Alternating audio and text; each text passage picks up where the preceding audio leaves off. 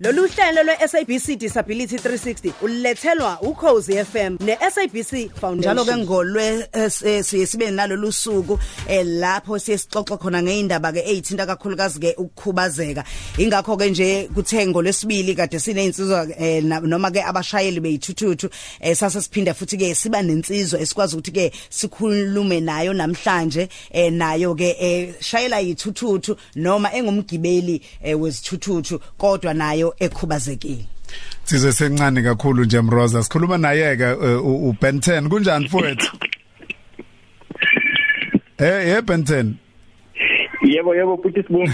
Kunjani mfethu? Ngiyaphila kunjani mfethu? Bonke igama lomtsiza lelo lika Ben 10. Ubani igama lakwenu nesibongo sakho? Eh igama lami ngubafunani uBen wakaHadebe uBhungane. Bafunani? Eh. Eh walethwa ubani? Baba lelo? Ngaletha ubaba lelo liyazwakala. kwakulabo bomkhulu. Liyazwakala. Uyinsizwa Benten okay mfoka Bhungana sixoxele ke mfethu eh, sibe nawe lapha yana kodwa sase sibona ukuthi hayi eh, ngoba lapha na kwakukhulunywa izinto eziningi sigijima asinikeze isikhathi sokuxoxa nawe eh, kulolu suku lwe disability 360 ufikile lapha yana omunye umlenze wakho unqunyiwe wachaza ukuthi waba sengozini. Sixoxele nje ukuthi yenzeka kanjani lengozi nokuthi ukhuba wakhubazeka kanjani. Ingozi yenzeka ngomhla ka25 ngoNovember ngonyaka odlule. Ngangihamba ngesithuthuthu ngihamba ku M13 eWestville. Ngangivela ngakule mgwaqo vela ngasedrobheni ngathi ngiye Pine Town. Ngathi sengidlula eWestwood ngase ngishayiswa yiveni la ngishayisa ngawa esithuthwini ngashaya ama guardrail loku okuvimba ukuthi imoto engaphumi emgwaqweni uma ithola ingozi okwensimbi ngashaya kona ngapha ngesandleni sokudla. Ngase ngibuyele emgwaqweni ngokuramba ngokurounda ngokuwa ngayoshaya futhi ngakwa left ama guardrail futhi.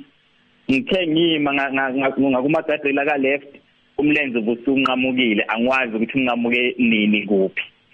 Kodwa umlenze wanqamuka khona lapho engozini mayenzeka awunqanyulanga esibhedlela unqamuke ngaleso sikhathi mangishayiswa imoto yo hey. Eh. Wama kodwa lo muntu? Cha azangame bhuti. Azangame eh ngiyacabanga wathuka ngokubona umlenze ukuthi wayengibuka yena ngoba wangishayisa ngawela ngaphambi kwakhe ngoba isithuthi sasesidlula maye ngishayisa. So kusho ukuthi waye wayengibona uma ngiwa. Wawubona umlenze uphuma mhlambe wathuka wacabanga ukuthi ngishonile wase aqhubeka nendlela zangami. Uyazi yabhlunga into ayenza. Manje njengoba kade ukhona nje la ethuthwini wenza njani? Useyuthi nje ngenxa yokuyothando lwethuthuthu uthi usalusuyilandela ube ingxenye yalo noma usakhona kuwo umdlalo wethuthuthu Eh buti sekuthanda sekuthando nenhliziyo. Um ngise ngiseyilunga lamabhubesi okuyi okuyi-club yethu yeyithuthu abafethu ngokungizwela nabo nangoku nanothando esinalo nokubambisana badecide ukuthi angeke bangikhiphe eklabhini noma sengingasakwazi ukugibela isithuthu kwamanje kodwa badecide ukuthi i-membership a full time noma ngiza ngemoto noma isithuthu ngisaphinda ngisigibele kodwa sengiyohlale ngiyibhubesi nje kuze kuyovala. So amabhubesi alibonisile support kimi kakhulu kimi nomndeni wami. Babekhona nje throughout yonke iprocess accident ngalenkathi ngitholi ingozi baphuthuma beza lapho isithuthuthi sathathwa yibo yibo bangithe esibhedlela. Konke nje nomndeni wami bawuxhasa kakhulu eh throughout yonke le process kuyo yonke le lenkinga nayo konke le le stress saphathi inkosikazi wami. So angeke angeke ngizeke ithi angeke ngeke ukuhamba nabafethu. Abafethu bayasiza kakhulu abafethu bayaphilisana siyaphilisana siyabafethu ama siyama bikers and ingakho ke ngisabalandela namanje nanoma sengasakwazi ukugibela isithutho kwamanje. Wenze ezinye izinto uya uya unebusiness eh ngesikhathi usu njengoba usukhubazeke kanjalo ngiyacabanga nje ukuthi lo nyaka ka2018 uqale kanzima ngoba ubusanda kulimala. Kuphazamise kuphi emsebenzini wakho na kubusiness lakho? Kona kungiphazamise kakhulu bhuti kungiphazamise kakhulu ngoba ngenkathi ngilimala ngangibhizi ngangisebenza empangeni ngisebenza ngisebenzela i-company e-designer yama mechanical engineers. And then ngathi mangilimala ngoba ngangibased esayithini emayini esempangeni ebizwa i-Febreze so ngathi mangilimala azangisakwazi ukubuyela emsebenzini ngoba ngingasakwazi ukuhamba emayini. Ngeke ngihambe ngeinduku ngoba kuudaka lapha and futhi kuyingozi. So cishe nje since ngalimala angikwazi ukwenza umsebenzi wami ebekade ngiwenza nengiwufundele ngoba ngayenza i-mechanical engineering e-University of Johannesburg. So since ngaqala ukusebenza nje since ngangena emsebenzini we-engineering ngangiyi-construction from 2000 kuze kube ku last year. So after ke ingozi angisakwazi ukwenza lokho ngoba esayithina ngeke uhambe ngeinduku akuphephile. Uphila kanjani ke manje? Eh eh kunzima futhi. Kunzima eh kunzima futhi nokusho. Ngasho ngithi ngiphila ngomusa kaNkuluNkulu. Kunzima nokusho ngoba ngiphila cishe ngiqede ama savings ngaze ngathengisa nemoto yami enye yesibili. Ithi ngivele ngibuze kanjena ithi angivele ngibuze Eh. kanjena? Uthi ngivele ngibuze kanjena? Ucabanga ukuthi yini engakwazi ukukusiza ke esimene okusona manje? Um- kumuntu nje olalele eh obengaba nomsebenzi ongakwazi ukuwenza but esimeni sokuthi awusakwazi ukuyihambela. Um umsebenzi wase office ngisengawenza. Umsebenzi wase office uhambelana neengineering ngisengawenza. Eh kuma site establishment makuzoba khona iproject umsebenzi wenziwayo before that ngisengawenza. Umsebenzi wakuma design ngiyawenza ngisengawenza. So nje umsebenzi o based office nje ngisengawenza. Kodwa ikakhulukazi ngidinga umlenze ngiyacabanga uma nginomlenze nasosayithini ngisengabuyela kodwa angikho sho kahle ngoba ngingakayazi lemilenze ukuthi isebenza kanjani. Aha. Okay umlenze kuye kube ukuthi mhlawumbe udinga imali eningi?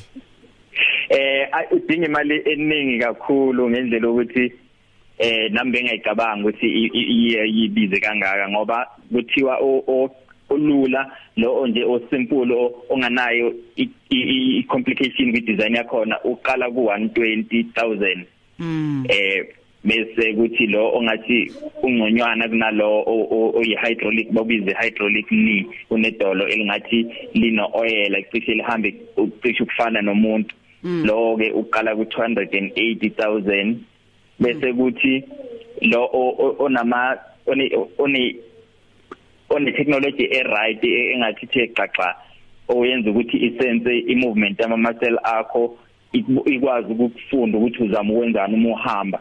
Ngisho no ukwazi ukukhuphuka ngisho itepisi ukwazi ukubhukuda ngisho nangawo okwazi ukuhamba nasesihlabathini solwandle lo ke uqala ko 500 uyofika ku 1.6 million. Ukuthi si uzwa sikhuluma nawe kanje njalo nosibu ngenxa yokuthi ukhozi lumndeni obanzi ngendlela emangalisayo. Eh siyazi ukuthi eh kukhona ongumqashi olalele njengoba umuzwe ebuzwa indaba yokusebenza eh nanokuthi ke kukhona futhi nomunye ongaba nomunye umcabango ngaphezulu kwalokhu thina esikhuluma ngakho njengamanje ukuthi esimene sinjalo kwenziwe njani nokungaba ukuqwashisa futhi emphakathini ezimene ezinjengalezi ngoba lokho kwenzeke kuwena kungenzeka kunoma ubani noma inini noma ingasiphi isikhathi. Uyabona nje ubusinikeza nama figures ukuthi imali into kanje sonke siyamanga ukuthi hawu. Hawu eh hayi uyabona. kubiza kakhulu. Nami bengacabanganga aha no siyakuzwa bhuti wami sikuzwa kahle kakhulu. Ingakho ke sithi sibuza nje senzele ukuthi kube nalolo sesithombe kumlaleli wethu osilalele osehhovisi osekhaya oyifama okuphi nakuphi lapho ekhona. Okunye ke mhlawumbe ungathini ukubonga eh usuyibongela insizwa zakhe amabhubesi enihleze nincokola nazo kumnkosikazi wakho nomndeni wakho ungabonga uthini? Ngiyabonga kakhulu kubafethu beyithuthu abafethu bangixhasile kakhulu. Eh akusiyodwa amabhubesi emroza nawo wonke amanye ama club akhona la KZN balibonisile uthando kimi kakhulu. Bafikile ezibhedlela esibhedlela eh ngokuhluka kwawo ama club ama president awo wonke ama club akwazile ukuthumela umlayezo wenduduzo eh kwi club yami obawudlulisile bawuletha kumina. Umndeni wami unkosikazi wami ukubonise ukuqina kakhulu ubonise kakhulu eh uthando kumina kulesimo ngithanda ukubonga nakuye kakhulu ngoba ngenkathi ngithola ingozi ubekhulelwe ube na 7 months pregnant. Ngangikhathazeke kakhulu ngaye ngoba wayehlukumezeke kakhulu emoyeni ukuthi ngecishe ngashona. So ukwazile ukuthi aqine kuleso simo. Eh yaze yazala ingane kumanje na 3 months iphilisa ka ingane eh yinhle yentombazana. So ngiyambonga kakhulu unkosikazi wami ngokuthi aqine kulesimo nanokuthi abonise uthando olungaka kumina. Nokulungile mfethu. Sicela usinikeze i-email address mhlambe okungaba khona umuntu ongathanda ukuthi axhumane nawe eh nganoma ngabe ingakuphi uxhumana angathanda ukuxhumana nawe mawukuthi una i-email esingakwazi ukuxhuma kuyona. Okay i-email address yami futhi sibu ukhadebe ben10@gmail.com ukhadebe wakhona ulo obhala ngo R waka Radebe ubhala njengo Radebe so kuba u R A D E B E B E N 10@gmail.com u10 waka Ben10 uyinamba.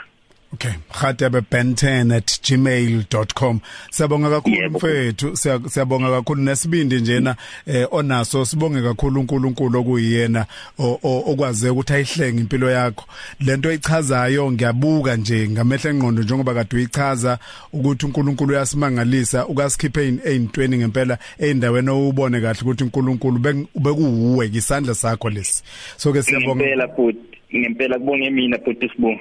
Siyabonga kakhulu mfethu. Lolu hlelo lwe SABC Disability 360 ubulethelwa uCause FM no SABC Foundation.